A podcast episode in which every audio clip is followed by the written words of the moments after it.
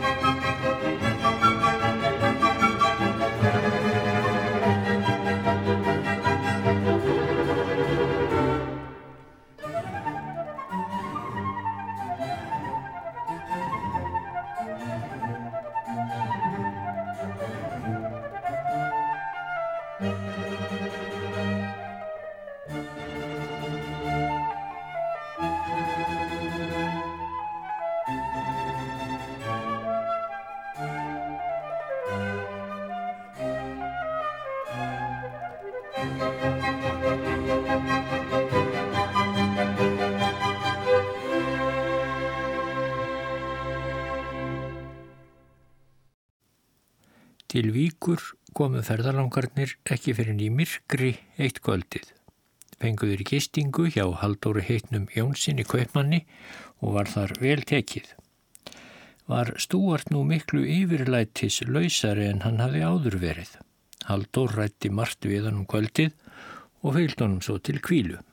Þangað var honum borið nóg vatn eins og hann bað um. Haldór bauð honum góða nótt og svo fór Stúart að þó sér eins og voru hans ær og kýr. Eftir venju hefur hann verið nokkuð lengi að dunda við það og varaði sig ekki á því að rafljósinn í vík voru slögt á ákveðnum tíma. Þegar nú ljósið dó og Stúart stóð þarna í kolsvarta myrkri mun honum ekki hafa vorið um sel og eitthvert fát komið á hann. Ætlaði hann að kveikja á eldspítu en þá rökk stokkurinn úr höndum hans og upp fyrir rúm. Hann eldi stokkin upp í rúmið og tókst um leið að brjóta gablin úr því. Var það nú enn ringlaðri og bröldi á fætur í dauðans ofbóði, en við það rekur hann sig hastarlega á borðið og veldir því um koll með öllu sem á því var, þvóttafatti og stóri vaskönnu. Þegar Stúart hyrði vaskangin flýðan upp í rúmið til að bleita ekki stígvilinn sín og þarna stóðan eða satt í brotnu rúminu alla nóttina þanga til Haldur kom til að bjóðunum góðan dag. Þennan morgun gekk þó vel að komast á stað því nú hafði Stúart ekkert dót meðferðis. Hann let næja að skoða hendurnar á sér í spegli til þess að sjá hvernig hanskarnir færu og svo vildi hann endilega fara út á dýrhólei til að mynda hanna. Stúart var alltaf að taka myndir en þær urður endar allar ónýttar því að hann kunni ekkert með myndavélina sína að fara og smelti ofta af án þess að gæta þess hverju myndavélin næði. Honum var nú ráðlagt að standa á sandinum fram við sjó, sunnan við dýrhólegi þegar hann tæki mynd. Það mátt hann ekki heyra nefnt. Hann vildi komast upp á eina. Svo var farið þangað gengur hann svo út á blá brún þar sem eigin er hæst og þar tók hann myndina beint niður fyrir sig. Er það vist í fyrsta og síðasta sinn að slík mynd hefur verið tekin af dyrhólegi. en þegar þeir voru svo komnir nýður á inni og út að sjó viðurkendan að það hefði nú líklega verið betra að taka mynd þar. Þrýfur hann nú til myndavílarinnar en uppgött var þá að hann hafði eitt síðustu filmunni uppi á brún. Var það nú fókareiður, rauk á bak og hvaðst ætla að ríða skemstu leiðað holdi. Hliftan svo vestur með sjó. Var hann þá í þeim ham að Stefán leðsugumadur var vissum að hann myndi leggja í jökulsá við ósin en það hefði orðið bráður bani hans því þar var hún með öllu óreið og myndi hafa spýtt manni og hesti lengst út í sjó. Brá Stefán því við og eldi hann. Eftir langan sprett komst hann fyrir hann og gatt sveikt grána norðrófið. Sló hann þá í grána og ætlaði að lofa honum að hlaupa með stúart en Gráni tók svo snögt við brauð að stúart fauk af honum. Stefán var það elda Grána langa leið og svo komið þeir helgi báðir þangað sem stúart var. Var hann þá ófrýtna á svipin og neytaði algjörlega að fara upp á brú, hvað strata eftir áttavita og vita að stista leiðin að holdi væri vestur með sjó. Er svo ekki að orðalengja það að þarna urðu þeir að taka stúart með valdi og teima síðan undir honum upp á brú. Segir nú ekki að ferðalagi þeirra fyrir en þeir komað garðsauka. Það áttu þeir Stefán og félagar að losna við stúart því bíl átt að sækja hann þangað. Traðir voru heimað bænum millir tvekja kálgarða. Var þar sandur í þeim en kýr höfðu líka farið þar um og eh, skilið eftir, já, merki sín. Kom þá heldur hann ekki hík á stúart er hann átt að ganga heim traðirinnar. Helgi böðist til að hjálpa honum og þrættu þeir í krákustígum um stund þanga til stúart sínist ein mikjuskánin vera einmitt þar sem hann þurfti að stíga. Leit hann þá aftur og síndist ekki betur en hann væri komin þarna í algjera sjálfheldu. Tók hann þá hart viðbrað og hendist inn í kálgarðin og óð þar grasið í mitt læri heimað bænum. Þegar einn kom gerðist hann umsveða mikill og skipaði fyrir á báðar hendur, óðum allt eins og hann ætti þarna heima og vildi að allir og allt væri að snúast um sig. Af því að þetta var seinasta kvöldið sem þeir voru saman, datt þeim eh, fylgdarmönnum hans, Stefáni og Helga, í hug að henda gaman að stúart. Sögðu þeir honum að það veri gamal og góður íslenskur sveitasíður að stúlkur þjónuðu gestum til sengur og nú ætluðu heimasætturnar hérna að sína honum þá virðingu í kvöld. Áður höfðu þeir talað um þetta við stúlkurnar og voru þær til í það því þær sáu hvernig maður stúart var. En af reynslunni vissu þeir Stefán að stúart var ekki verra gert en ef einhver ætlaði að taka á honum eða snertan á hvaða hátt sem var. En Stúart komst nú allur á loft og taldi sér mikinn heiður síndan með þessu. Gerðist hann nú mjög kátur og skrafreifin við þær stúlkurnar, síndi þeim gullúrið sitt og fleiri góða greipi sem hann hafi meðferðis. En svo leiðað háttatíma og þá fylgdu þær húnum tvær inn í Svefnirbergi hans. Eftir stuttastund heyrast þaðan skjelvingar og neyðaróp og rópar stúart hástöfum á hjálp. Helgi bráð þá við og forðangað. Stúlkunum hafi tekist að klæða stúart úr jakkanum en þegar þær gerðu sig líklegar til að draga af honum brækurnar var þann óður af hræðslu. Baðan Helga all þarfsamlega að koma þessum aðsúksmiklu kvenmönnum þegar í stað út. Svo var Stúart brúðið að hann þorði ekki upp frá þessu að vera einn og varð helgi að vera hjá honum fram eftir nóttu en þegar hann fórlóksins læsti Stúart hörðinni vandlega svo engar stúlkur gætu sótt að honum. Dæin eftir komu tveir bílar að sækja Stúart og farangurinn eins og um hafi verið samið. En þá þóttist hann hverki komast frá bænum, ringt hafði um nóttina og taldi hann því kálgarðin algjörlega ófæran og ekki kom til mála að fara traðirnar. Laug því svo að bílstjórarnir tveir örðu að taka stúart með valdi og draga hann út í bílinn. Svo var það eitthvað viku eftir að allir voru komnir til Reykjavíkur að Stefán fekk bóð frá Stúart. Þá hafði Stúart týnt ljósmyndavél sinni einhver staður í bænum eða skilið hann einhver staður eftir og baði nú Stefán að finna hana fyrir sig. Stefán fekk þó auðvitað ekkert að vita um það hvar Stúart hafi komið og var því með öllu þýðingar löst að leita. Um kvöldið sendan Stúart samt þau skilabóð að hann hefði nú farið í hvert einasta hús í bænum en hvergi væri myndavillin. Stúart trúði því en þótti súrt í broti því bæði var hann skadasár og svo fannst honum sem hann væri ekki nema halfur maður myndavillar laus.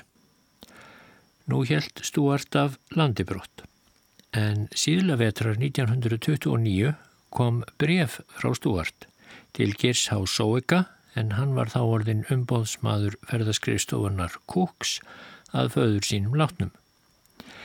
Sagði Stuart Geir Sóika að hann myndi koma til Íslands í júli og ætli sér nú að skoða það sem eftir sé af landinu og þá sérstaklega vatnajökul. Hvaðst að nú myndu koma betur út búin en síðast, meðal annars ætlaði hann að hafa með sér svo stóran hest að hann gæti vaðið allar jökulára á Íslandi og væri hesturinn slíkur stólpagripur að hann gæti riðið honum ein hesta allt sumarið. Geir skrifaði honum aftur og sagði að með öllu væri bannaður innflutningur á hestum til Íslands og varð stúart á að hætta við að koma með þennan mikla klár. En svo kom stúart með gullfossi og hafði nú vissulega meðferðis miklu meiri farangur en áður voru þar á meðal tvö kamartjöld, annað handa honum sjálfum en hitt handa fylgdarmönnunum. Ætlaði nú ekki að láta fara eins ílla fyrir sér og áður, því að þá þóttist hann ekki geta gengið örna sinna á víðavangi, öðruvísi en að klæða sig úr hverri spjör og þótti það vonum heldur óþægilegt í kuldum og rygningum. Þegar litið var yfir farangur Stefáns þótti sínt að ekki myndi veita af tólf hestum undir hann. Auk þess þurfti átta reyðhesta því að þrýr örðu fylgdarmenn að vera. Réði geir til þess þá Stefán Filippusson eins og áður, Tómas Snorrason og Daniel Hjálmsson. Geir bað Stefán að koma með sér til Stúarts til að gera áætlunum ferðalagið en þegar þeir komu rak stúart upp stóru augu og mælti á Stefán enn að vera fylgdarmadur minn. Geir hvað ekki völ á öðrum betri. Þá hóf stúart upp raust sína og lagði Stefáni lífsreglurnar hvernig hann ætti að hegða sér. Heimtaði hann fullkomna hlýðinni og yfirleitt allt aðra framkomu en síðast. Meðal annars krafðist hann þess að Stefán væri æfinlega með kvíta hanska á ferðalæginu. Og svo er þann að hafa með sér skoblu til þess að móka burtu öllum skít þar sem þeir höfðu náttstaði. Stefán lofaði öllu fáru, bjóst hann við að Stúart hefði lært svo mikið af fyrirferðinni að hann erði viðráðanlegri að þessu sinni og reyndist það reyndar að vissuleiti rétt. Fjóra daga voru þeir í heimanbúnaði og á þeim tíma fór Stúart að heimsækja einhverja konu í Reykjavík. Fekk hún honum þá myndavélin hans sem hann hafði skilið þar eftir síðast. Varð heldurinn ekki fagnaðar fundur með Stúart og myndavélinni. Í farangri Stúarts var nú ímislegt er til nýlunda mátti teljast að ferðamenn hefðu með sér fyrir utan kamarstjöldin. Eitt var gríðarstór dunkur fullur af einhverju dufti sem átti að strá yfir tjaldstað þegar búið var að hreinsa burt rossatað og kindaspörð svo að óhóllar guður skildi ekki koma þar upp. Hitt var gríðar mikill hattur eða einlega hjálmur með stál fjöðrum í kolli og börðum og rambyggilega fóðraður utan og innan. Þennan hatt ætlaði Stúart að hafa á höfðinu til að hlýfa sér ef hann ditti af hestbæki. En hatturinn var svo þungur að engin endist til þess að vera með hann á höfðinu nema stuttastund í einu og var erfitt að nýtt með það niður hvaða stund stúart kynnið að detta af baki. Fór því svo að hatturinn var bundin millir klifja og setti stúart hann aldrei upp. Farangurslestin fór svo tveimur dögum á undan stúart úr Reykjavík og var svo ráð fyrir gert að hann myndi ná henni á felsmúla. En þegar þeir fylgdarmennirnir komið þangað sem holtsvegur og landvegur skiptust kom í ljós að vegurinn upp á land var ófær bílum vegna örbleitu. Þeir afriðu því að býða stúarts þarna. Var nú allt undirbúið að taka sem besta mótunum. Tjöld voru reist, þau voru sex alls, tvö fyrir fylgdarmenn, tvö kamarstjöld og tvö stjöld stúarts. Hafða nú komið með stórt tjald til að hafa yfir svefntjaldinu. Í kamarstjöldunum var salernunum komið fyrir kostulegum grepum úr mahóni. Í svepptjaldi Stuarts var sett upp rúm, borð og stóll eftir vanda. Sentum kvöldið kom svo bílinn með Stuart. Þeir sögðunum að vegurinn væri ófær. Stuart afsagði þó alveg að fara út úr bílnum. Hann geti ekki þennan veg eins og veginn frá Reykjavík. Svo hvaðst hann hafa borgað bílstjóranum fyrir að flytja sig að felsmúla og hann krefðist þess að bílstjórin stæði við það. Lagði þá bílstjórin út á landsvegin en bílinn festist brátt. Ekki vildi stúart samt fara út úr honum að heldur og hvaðst myndu sitja sem fastast þanga til þeir kæmu að felsmúla. Var nú ekki mannað að gera en beit hann valdi eins og stundum áður og var stúart dregin nauðugur út úr bílnum og þóttist hann illa svikinn af sínum mönnum. Dæin eftir, meðan þeir voru enni í tjaldbúðunum, myndi stúart eftir því að hann vantaði vasabók. Skipar hann þá Stefáni að fara þángað sem hann ná í síma til að byggja Geirs og ekka að senda bíl með vasabók handa sér. Stefán fóraða í síðu og gerði eins og fyrir hann var lagt. Þegar hann er að fara þaðan, þá koma þeir Stúart og Tómas báður í flassiðónum. Hafði Stúart þá munið eftir því, þegar Stefán var farin, að hann vantaði líka blíjand. Var nú aftur síma til geirs. Svo bað Stúart um mat handa þeim þremur á ægisíðu. Stóð nokkuð á því eins og eðlilegt var, en loks var framreitur besti íslenskur sveitamatur. Þá var Stúart orðin reyður og hvað allt þetta óætt og þótt þá Stefán og Tómas langaði í matinn var ekki viða komandi fyrir brettanum, fóruð þeir svo þaðan. Þeir Tómas og Stúart fóru beint upp holtin til að stitta sér leið og komu við á árbæ. Þar bað Stúart um sex egg og gröyt handa tveimur, átt hann sjálfur öll eggin og víst sinn skerf af gröytnum líka. Að felsmúla gistu svo allir um nóttina. Morgunin eftir komu nývandræði. Stúart hafi keift þrjár skirtur hjá Haraldi Árnasinni í Reykjavík en nú kom upp úr kafinu að þær voru allar of litlar. Skipaði því umsvegulegst Stefáni að ríða niður á Þjórsárbrú, síma til Kirs í Reykjavík og byði hann að senda umsvegulegst bíl með þrjár skirtur handa sér. Stefán hvað hálfu lengri leið að þjórnsárbrú en ægisíðu. Það gerir ekkir til, sagði Stúart, það er ekki hægt að fá ætan mat á ægisíðu. Stefán fór nú samt að ægisíðu og símaði þaðan til girs. Vildi þá svo til að bílinn var aðeins rétt ófarin með vasabókina og blíjandin og náði því að taka skirturnar þrjár með. Stúart varð ákaflega hrifin þegar Stefán kom með dótið. En þá hafði hann uppgötvað annað sem rýrði mjög manngildi Stefáns í hans augum. Stefán hafði nefnilega svikist um að hafa skoblu með í ferðinni. Fór Stúart því til síra Ófegs, pressins á felsmúla og baði hann að selja sér skoblu. Þeir Stefán og Tómas hafðu áður beðið síra Ófegum að gera það ekki og sagði prestur þá að hann mætti enga skoblu missa. Setna var Stúart eitthvað að snöðra út í túnjadri og kom heldur hróðugur heim með skoblubrót í hendinni og spurði hvort hann geti ekki fengið það keift.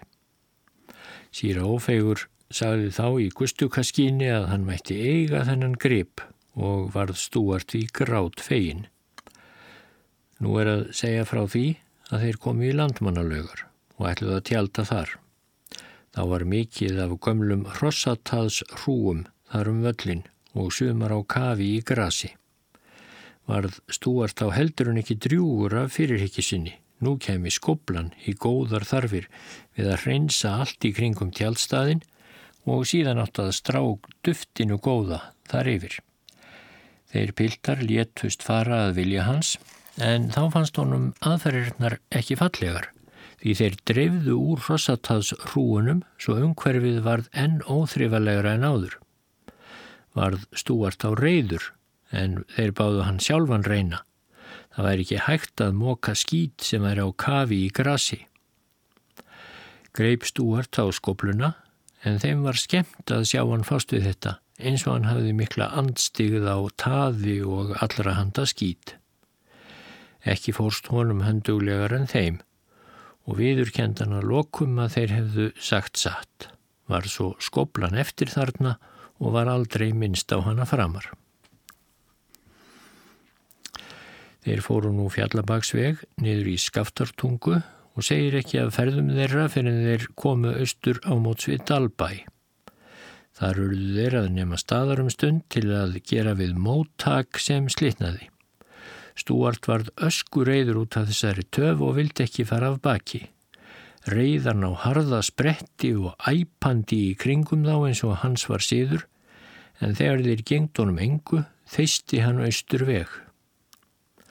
Sáu þeir það til hans að hann reyð þar upp á háan hól til að skiknast eftir þeim. Ætlaði hann svo að feisa niður hólinn, en í leirflægi varð hestinum fótaskortur og rökk stúart af baki rakan þá upp þau skjelvingar hljóð að þeir held að hann hefði stór slasast. Hljóp þá einn á bak og reyði í loftinu stúart til hjálpar. Og þar satt stúart hljóðandi og held báðum höndum um höfuð sér. Heimtaðan lækni undir eins. Ekki gáttu þeir fundið að hann væri stór mittur. Var hann því settur á hest og nú var haldið að breyðabólstað til snorra læknis sem þar bjóð kom þá í ljós að Stúart var hvergi mittur en hafði aðeins orðið óstjórnlega hrettur þegar hann sá född sín öll út öttuð í leir. Ferðinni var svo haldið á framistur að sandfelli í öræfum og gerðist ekkert sögulegt á leiðinni með fram síðu og yfir sandana. En frá sandfelli átti svo að hefja göngu á öræfajökul var Jón Pálsson í Svínafelli fenginn til feildar. Lauðu þeir fjórir á stað, þrýr með þungar klifjar af nesti og öðrum farangri. Allir voru þeir fjórmenningar með jöklahaka og bundnir saman með 20 faðmalöngum kaðli eftir fyrirskipan Stuarts því þetta átt að verða regluleg jökulganga. Jón fór fyrstur, þá Stefán þá Stúart og Tómas seinastur, því Stúart treysti honum best til að draga sig fljótt upp ef hann skildi hrapa í jökulgjá. En Stefán hafði hann á undan til að draga sig áfram og hottaði alltaf á hann þar sem brattast var. Var þetta til þess að Stefán fjell og mittist talsvert í aukslinni. En þá kom það reyndar í ljós, seint og um síðir, að Stúart var líklega vætnin við beinið því hann vildi endilega senda mann vestur að breyðabólstað að sækja snorra lækni þegar í stað. Ekki vildi Stefán það, en þá stundina hvaðst hann hálgjert hafa minkast sín fyrir það hvað hann hefði stundum verið ónærgetnislegur við Stúart. Á jöklinum var nýða þoka. Vildi Stúart á ganga eftir áttavita en þegar tilátt að taka reyndist áttavitin líka í glugga heima á sandfelli. Sneru þeir því aftur. Tveimur dögum setna var gott veður og gengu þeir þrýr þá á jökulinn en Stefán varð eftir heima vegna meðslana. Sýra Eiríkur Helgason spurði þá hvort hann hefði ekki gaman af að líta inn í herbergi Stúarts og sjá hvað hann hefði meðferðis. Þar var margt að sjá, svo að þeim báðum ógnaði kvílikt skran maðurinn hafði með sér á ferðalagi. Þar lágu til dæmis í röð tólf splungunýr skeknývar. Það lísti Stúart vel að honum þótt ekki minna gagn gera til þess að hann væri vissum að hann geti alltaf rakað sig. Félagarnir komi svo niður af fjallinu án þess að til tíðinda hefði dreyið en þegar þeir fóru frá Sandfelli, saði Stefán við Tómas, undarlega hefur skolli sloppið vel hér að brjóta ekkert nýja gera af sér neyn veruleg skammarstrygg. Hvergi hefur hann þó skemmt meira, saði Tómas, því þegar hann kom ofan á jöklinum Þá óðan á brottastígvírunum byndinn í stofu hér á bænum og var að spíkspora þar allt kvöldið. Er engu líkar en að margir skaplajárnaðir hestar hafi verið þar inni og gólfið er satt að segja alveg ónýtt. Nú var haldið heimleiðis og farið með byggðum. Að mýrum gistuðir um nótt hjá Þorstein í Guðmundsinni frá Marjubakka frænda Stefáns Filipussonar og fengu þar hinnar bestu viðtökur. Stúart ætlaði að sofa þar inni en þegar hann kom í stofuna fór hann að snugga í allar áttir og rauk svo út í tjald sitt. Þar urðu þeir svo að vanda að stjana við hann þanga til hann var búin að þó sér og fara í rúmið. Þá fóru þeir hinnir að borða inn í bæ. Var þá margt skrafað því þeir æskuvinirnir Stefán og Þorstein á Marjubakka höfðu ekki sést í 30 ár. En þegar minnst varir kemur einhver heimamaður inn og segir að stúar trópi hástöfum á Tómas. Hann bráð þá við skjótt og hljóp frá matnum. Var ljót aðkoma í tjaldi stúarts. Hann hafði haft prímus þar hjá sér til að heita upp en einhvern veginn veldunum um koll og stóð login allur frá honum í allar áttir. Í fuminu hafði stúart svo felt um borðið og stift niður þvóttafattinu svo allt hjaldið var vasselgur og eldur til skiptis. En stúart hafði eftir vanda flúið upp í rúmið sitt og var þar á fjórum fótum. Mundi hann hafa brunnið þar inni fremur en stíga niður í bleituna til að komast út úr tjaldinu. Með snarræði tókst Tómasi að riðja prímus og því sem kviknað var í út úr tjaldinu og bjarga lífi stúarts. Það mun vist vera leitun á þeim ferðamanni sem nokkuð sveipar til stúarts þessa. Verður þessi lýsing á honum að næja. Þó má geta þess, hítarlegar en áður, hvað honum var enkennilega farið í fjármálum, skada sáru og nánus í aðraröndina, en horfi ekkert í bröðlef því var að skipta eins og þegar hann pantaði bíl frá Reykjavík austur að felsmúla til að færa sér vasabók og blíjand. Einu sinni var það, þegar þeir voru að leggja upp úr tjaldstað, að Stefán ætlaði að skvetta leifum úr tekalli. Þreif stúart á kettilinn af honum, leiti reyður ofan í hann og sagði byrstur, já há, svona á að fara með mína peninga drakk hann svo seitilinn úr kallinum svo ekkert færi til spillis. Að fyrstu ferðin í lokinni, þegar Stúart heimti saman pjöngur sínar, varð Stefáni það á að skilja prímusin eftir út í geimsluhúsi. Ferðamenn voru vanir því að fleia prímusum sínum þegar þeir komu úr ferðum. En Stúart heimtaði prímusin, let hann svo marg þó hann í Hotel Íslandi en ólíu þefurinn vildi þó ekki fara úr honum svo ekki var hægt að láta hann ofan í koffort með öðrum farangri. Var stúart nú í mestu vantræðum. Stefán bauðst á til að kaupa prímusin af honum fyrir 6 krónur. Ertu vittlaus, saði stúart. Þessi prímus kostaði 12 krónur. Og svo baðan Helga Sóveka að senda sér prímusinn með posti til Englands og segir sig sjálft að kostnaðinu við það var langt um meiri en 12 krónur. Í þriðju försinni hér á landi fór Stúart Norður Sprengisand.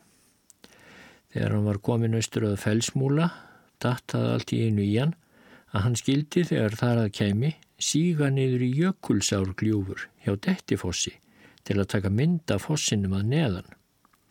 En þá vantaði festina. Símaði þá til Reykjavíkur og baða senda sér bíl með sterkan kaðal hundrað faðma langan. Bílinn var sendur en þegar austur kom var kaðallin svo þungur að ekki var hægt að hafa ný klif og aldrei myndist stúart á þann kaðal framar. Þegar þeir komið til Akureyrar úr Sprengisandsferðinni þá vildi svo til að stúart var ílt í einni tanni. Hann treysti engum lækni nýrðra til að sjá um tána svo hann pantaði flugvél frá Reykjavík til að sækja sig og fór til læknis í höfustafnum. Hann bað fylgdarmennina hins vegar að býða á Akureyri með alla hestana. Eftir fimm daga kom hann svo aftur fljúandi norður til þess eins að geta orðið þeim samferða til Reykjavíkur.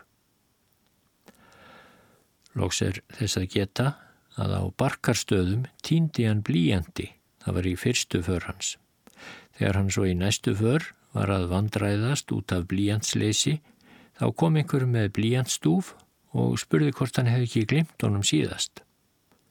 Það var eins og honum hefði verið gefin miljón, svo fegin varðan. Og í gleði sinni upp frá því gæti hann valla nógsamlega dáðst að því hvað Íslendingar væru frómir og skilvísir. Og líkur svo hér frá stúart að segja.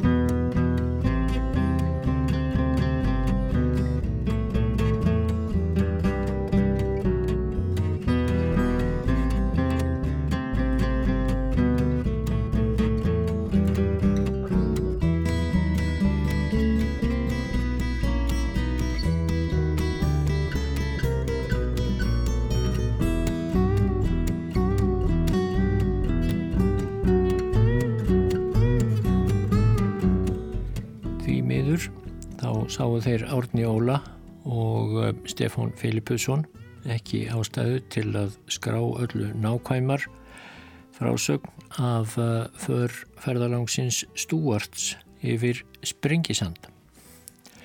En það er til lýsing á annari ferð Stefáns Filipussonar yfir Springisand og ég ætla að ljúka þættinum á því að lesa upphafið á henni. Þessa ferð fór Stefán á samt félagum sínum árið 1936 og frásögnina skráði Konráð Erlendsson. Á Sprengisandi heitir frásögnin og eh, hefst á þessa leið við rýðum söður frá túninu á Mýri í Bárðardal og stefnuminn til Öræfa. Að baki okkar er Þingiðarsísla næst á að koma til bæja söður í biskupstungum. Dæin áður hafi verið glaða sólskinn, blæja lokn og mikil hiti. Nú var fullt loft og hægviðri en auðséð að norðanátt var í aðsígi en það var veðurstofan búin að spá norðanátt og þá er ekki til neins fyrir náttúruna að þverskallast. En þið verðið á undan rigningunni niður af sögðu bændurnir á mýri. Veðraskílinn eru oft um hið fræga kíðagíl og betra ferðaveður en nú var ekki hægt að hugsa sér. Blíðviðri en þó ekki of heitt. Þetta var þann 25. júli árið 1936. Við vorum fjórir saman með 14 hesta og hafðum mjög lítinn farangur. Þess vegna var hægt að fara greitt eða ég vil all gist því að ekki þurft að ríða sömu hestunum lengi í senn. Landsýmastjórin og Stefán Filippusson taka göttuna og ríða fyrir en við Knútur Arngrímsson rekum lausuhestana á eftir. Skamt sunnan við Mýri förum við austur yfir Mjóadalsá. Er þá komið í svo kallað Littlutunguland sem nú er heimaland frá Mýri. Við förum ekki langt frá eðibílinu Littlutungu. Það er nokkuð blásið land. En slæjur eru þó tölverðar í landaregninni og beitiland ákjætt. Það er snjóljett á vetrum og vorgott. Littlutunga fór í eði árið 1879. Síðasti bondin þar hétt Eiríkur Björnsson. Hann bjóðar í 44 ár, svo ekki hefur hann unað hagsínum þar ílla. Hann stundaði sílungsveiði í Íshólsvatni og bar oft veiðina heima á bakinu. Á gamals aldri bar hann einu sinni þar að sunnan 35 kílóa þungan bakka og sagði reyndar að það væri óþægðar skjatti fyrir sjötugan mann. Vegalengdin er um 5 kílómetrar. Börn Eiríks fóru til Ameríku. Annar litlutungubóndi var hinn alkunni hagirðingur Yllugi Einarsson. Hann var á yngri árum sínum í Mývasveit og orti þá ásamt Gamaljél Haldursinn í Haganesi frægan brag sem kallaður var Gryðgurýma. Var tilefnið nippingar nokkrar sem urðu millir tvekja gríðkvenna út af flórmokstri. Ríma þessi var mjög dýrt kveðin og þrungin af orðgunótt en efni þótti rýrt að vonum. Þó þótti þetta kvæði á sinni tíð hefði mesta snildar kvæði og margir menn þar fyrir norðan kunnuðað utan að er það þó 74 erindi. Sagt var að Ríman hefði verið þýtt á mörg tungumál og trúðu því margir hvað sem satt var. Eftir að ég mann til þá var Yllugi Einarsson við þessa rímu kentur. Niðjar hans eru víða um þingi er síslu, sumir þeirra eru hagorðir. Ekki veit ég þó til þess hvort hann hefur orti mikið eða lítið í litlutungu en það mun sá hveðskapur nú tindur með öllu. Okkur ber hratt fram hjá litlutungu og er ekki tóm til að láta sig dreyma um þá sem þar hafa unnið sitt æfi starf að meira eða minna leiti. Leiðin likur nú söður með gili því sem mjóadalsá fellur eftir þar til kemur að fiski á sem fellur í mjóadalsá. Þá er farið söður með henni eftir daldrægi millir tveggja gróðurlausra fjallsaksla. Þegar kemur síðist í þetta daldrag þá opnast breyður dalur sem liggur allangt inn eftir Nýrst í honum er Íshólsvatn sem fiski áfællur úr, stort og djúft fjallavatn, líklega 5 kilometrar á lengd. Við stígum að baki við norð-vestur horn vassins á dálítilli sendinni flesju með lélegum gróðri. Þar heitir Vopnamýri. En engin myndi nú kalla slíkan blett mýri, sandfókið hefur verið þar að verki og þurkað allt. Við höfum hér stuttadvöl og rýðum nú söður með vatninu að vestan eftir hlýð sem gengur alveg niður að vatninu. Þegar ég fór fyrst um Íshólsbrekkur fyrir 30 og fjórum árum eða um aldamótin 1900 þá var þar mikill róksandur og sást þar ekki stingandi strá. Nú er sandurinn fókin burt og einstöku planta búin að ná fótfestu. En langt verður þess að býða að hlýðin verði eins og hún var áður. Um 1840 var þar nefnilega samfeltur skóur sem lukti yfir höfuð þeirra sem um veginn fóru. og við suðvestur Hornvassins stóð bærin Íshóll. Þar var búið til ársins 1890 og sjö. Þá þótti þar ekki lengur vært vegna upplásturs. Þar sér þó enn fyrir allir í húsaskipan bæjarins og túnið er enn slegið flest sömur. Nú er þar mikið gras kringum bæjarústyrnar. Suður frá vatninu er samfeldur gróður langt í nettir dalnum en hlýðarnar begja vegna eru hins vegar uppblásnar að mestu. Þetta er nú afréttarland. Frá Íshóli likur leiðin söðvestur yfir hálsin vilji Íshólsdals og Mjóadals. Sér þar fyrir stíg í brekkunni og varða er á brúninni til leiðbynningar. Á hálsinum verður fyrir okkur hópur trippa. Trippunum verður starfsýnt á frændur sína sem við höfum meðferðis og vilja greinilega gætnan slást í förina og fara margar sveiblur í kringum okkur. Lóks tekst okkur að fæla trippin frá og þau taka á rás í áttina til Íshólsdals. Við komum svo fram á vestur brún hálsins. Fyrir fótum okkar likur mjóidalur, djúpur og gróður ríkur eins og byggðværi. Lánt inn til landsins blána hlýðarans í fjarska. Undir vestur hlýðinni, lítið eitt norðar en við erum, blasa við rústir mjóadalsbæjar. Þar var búið til 1894 og þarna átti Stefan G. Stefansson einu sinni heima. Þessir bæir, Íshóll og Mjóidalur voru um langan aldur útverðir byggðarinnar við barm öræfana en nú er sögu þeirra lokið. Mjóidalur er geysi langur og er þar ekki um neitin veg að ræða. Þegar kemur innan til í dalinn þar sem hann er orðin grunnur og gróður lítill, taka við samfeldar vörður. Það er byrjun varðanna á Sprengisandsvegi. Afréttarland, hið besta, er á Mjóadal, afréttarlöndin fram af Bárðardal, vestan Skjálfandafljóts, allt fram að Jökulfelli, eru einu nafni nefnd Vestur afréttur, var aðal fjármagnið jafnan á Mjóadal. Meðan fráfærur tíð guðust og geld fyrir var margt, þá var rekið þangað fyrir af öllum bæjum í Barðardal, vestan fljóts og úr söður hluta kinnar.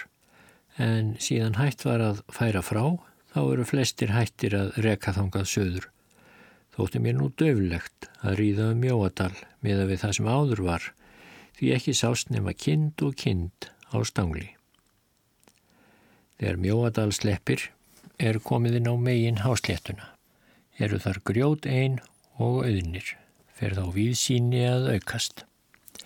Ekki höfðum við lengi farið eftir að mjóadal þraut þegar kollóttur hnúkur, brattur að austan, sást framundan. Það er kíðagils hnúkur. Er hann nokkuð til söðausturs. Gamla leiðin likur vestan við hnjúkin en vörðurnar likja austan í honum upp undir brúnum. Rétt norðan við hnúkin komuð fram á brúnir dalsins sem skjálfandafljót fellur eftir. Er það mikill dalur, allt frá kíðagili og niður undir byggð og heitir nokkur hluti hans Króksdalur. Þar er nú uppblásið land og auðun einn yfir að sjá, en þar er þó nokkur hægi fyrir söðfjö. En í fornöld var hann að byggðu nokkur. Allangt norðan við kíðagil heitir á helgastöðum, þar er bæjarstæði. En norðar er galthóll, þar í nándir smiðju skóur, getur þeirra örnefna í þætti af hrana ring og undirlendi tölvertir í dalnum og væri hann hinn fríðasti ef hann væri gróin. Skjálfandafljót fellur hér víða all breytt en er á mótsvið kiðagilsnúk ekki mikið vasfall miða við það sem síðar verður. Suðaustur frá aðaldalnum ganga ímsir afdalir inn til ódáðarhauns er eh, minni eins þeirra, Raunárdals, gengt Kíðagili. Klukkan þrjú eftir hátegi komum við á áfangastað sunnan og austan í Kíðagilsnúk, var þá komið sólskinn og blíðasta veður. Hagarnir eru við rætur núksins á hjallamilli hans og Kíðagils. Við tjölduðum á lækjarbakka niður í Gildrægi, rétt við fjálsræturnar og sleftum hestunum á hagan. Þar skort ekki gras. Við höfum verið sex tíma hingað úr mýri en það er talinn tíu tíma lestargangur. En hér var það hafa náttstað því framundan var sjálfur sprengisandur.